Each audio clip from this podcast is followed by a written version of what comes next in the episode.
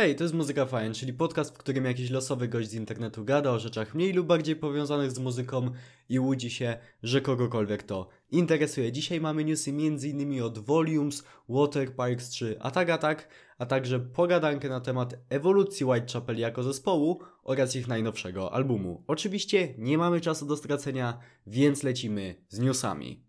Zaczynamy sobie newsy od tego, że Volumes wydali czwarty tytułowy singiel z nadchodzącej płyty o nazwie Happier. I choć poprzednie single były jak najbardziej solidne, to to jest po prostu Mistrzostwo Świata. To jest najlepszy utwór Volumes od 10 lat. Tylko Edge of the Earth jest moim zdaniem lepsze od tego cuda. To idealne połączenie wszystkich najlepszych elementów tego zespołu, czyli dżentowych riffów, świetnych screamów, ale również pięknego refrenu z czystymi wokalami. Udało mi się też dowiedzieć, że pierwsze demo tego kawałka powstało już w 2011 roku i to idealnie pasuje faktycznie do tego nostalgicznego klimatu tego utworu. Kiedy po raz pierwszy słuchałem ten utwór, naprawdę się wzruszyłem. Nową epkę natomiast wydało Ataga Tak. No z tym, że ta epka to właściwie 5 singli wydanych wcześniej i tylko jeden nowy utwór. Ale za to ten nowy kawałek nazywa się Dear Wendy i zaskakująco brzmi faktycznie jak Ataga Tak.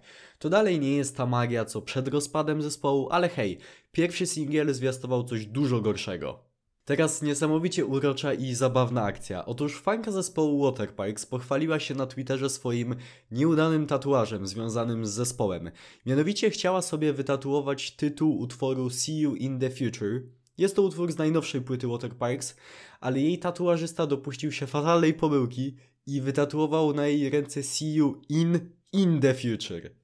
Austin Knight, wokalista zespołu, zobaczył tego tweeta i postanowił zaradzić jakoś tej sytuacji poprzez zmienienie nazwy utworu na wszystkich platformach streamingowych na See You in in the Future. Przyznam szczerze, po zobaczeniu tego miałem banana na mordzie przez kilka następnych minut i ta sytuacja tylko potwierdza, jak bardzo pozytywną osobą jest sam Austin. Natomiast królowa pop-punku, która wychowała całe pokolenie emo dzieciaków, czyli Avril Lavigne, poinformowała, że podpisała umowę z labelem Travisa Barkera, perkusisty Blink-182 i pierwszy singiel promujący nadchodzącą płytę ma się ukazać już w przyszłym tygodniu. Będzie ciekawie.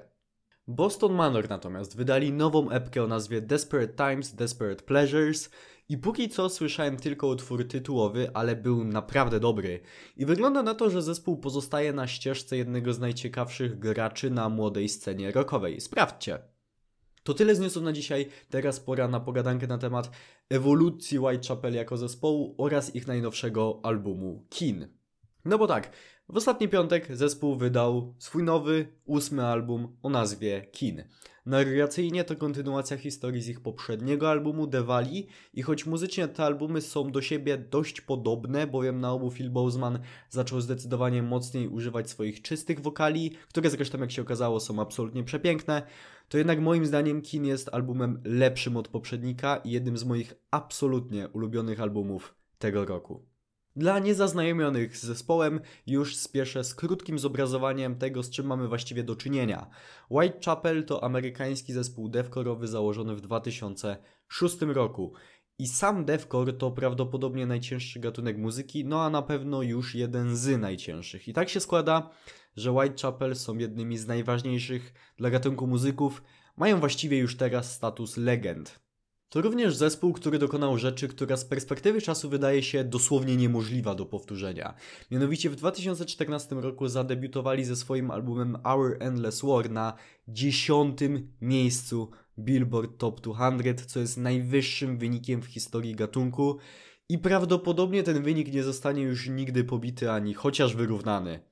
Tak jak jednak wspomniałem, zespół od kilku lat zaczął nieco zmieniać swoje brzmienie. Teoretycznie w devkorze nie ma miejsca na czyste wokale, jednakże Whitechapel udowodniło, że da się to zrobić kreatywnie i ze smakiem. Ogromna w tym oczywiście zasługa Phila Bosemana, który może być prawdę mówiąc najbardziej wszechstronnym wokalistą w metalowej scenie obecnie, no bo jego czyste wokale są absolutnie przepiękne, przepełnione emocjami, ale jednocześnie jest też właściwie jednym z prekursorów devkorowych wokali. Jego guturale i niskie screamy do dzisiaj nawet można uznać za najlepsze w gatunku, mimo upływu lat. I ten nowy album Kin to po prostu cudo. Mamy tutaj kilka oldschoolowych utworów, które są czystymi devcore'owymi nakurwiaczami, bez grama czystych wokali, chociażby Blood Soaked Symphony, ale mamy też chyba moje ulubione, czyli mieszankę starego i nowego Whitechapel, którą idealnie reprezentuje chociażby kawałek Lost Boy. I mamy też utwory z tylko i wyłącznie czystymi wokalami i jednym z nich jest zamykający album utwór tytułowy, który jest przepiękny. Wydaje mi się, że nic nie zmasakrowało mnie psychicznie w tym roku tak bardzo, jak ten kawałek. Ilość emocji jest po prostu astronomiczna. Ból w głosie Phila Bosemana, przepiękne solo Benjamina Savage'a i instrumental. Tam gra po prostu wszystko, co za podróż. Nie brakuje oczywiście krytyków nowego stylu Whitechapel, no bo jednak fani tylko i wyłącznie devcore'u nie bardzo chcą słuchać smutnych utworów z czystymi wokalami, ale ja uwielbiam ten nowy kierunek zespołu, no bo ileż można grać devcore? Po 15 latach jako zespół potrzebujesz zmian, zwłaszcza, że nie jesteś już dłużej niewyżytym nastolatkiem. Zmieniła się twoja osobowość, twoje priorytety i twoje spojrzenie na tworzenie muzyki, jak i ogólnie na życie. I ta ewolucja Whitechapel, co ważne, wygląda totalnie naturalnie. Ewidentnie widać, że to jest decyzja tylko i wyłącznie zespołu. I jeśli tylko są zadowoleni z tego, co tworzą, to ja nie widzę powodu, żeby ich w tym nie wspierać. I to tyle, jeśli chodzi o dzisiejszy epizod Muzyka Fajny Podcast. Dzięki wielkie za wysłuchanie go do końca i przypominam standardowo, że w opisie tego podcastu znajdują się linki m.in. do mojego kanału na YouTube, gdzie również robię kontent muzyczny, do mojego serwera Discord, gdzie można sobie pogadać ze mną i z innymi słuchaczami i będziecie na bieżąco z całą moją działalnością w internecie. Są też tam linki m.in. do mojego Twitcha, gdzie sobie okazjonalnie ostatnimi czasy streamuję. Wszystko tam znajdziecie w opisie. Ja Wam jeszcze raz dziękuję bardzo pięknie za wysłuchanie. Życzę Wam miłego dnia bądź wieczoru i do usłyszenia w następnym epizodzie. Hej!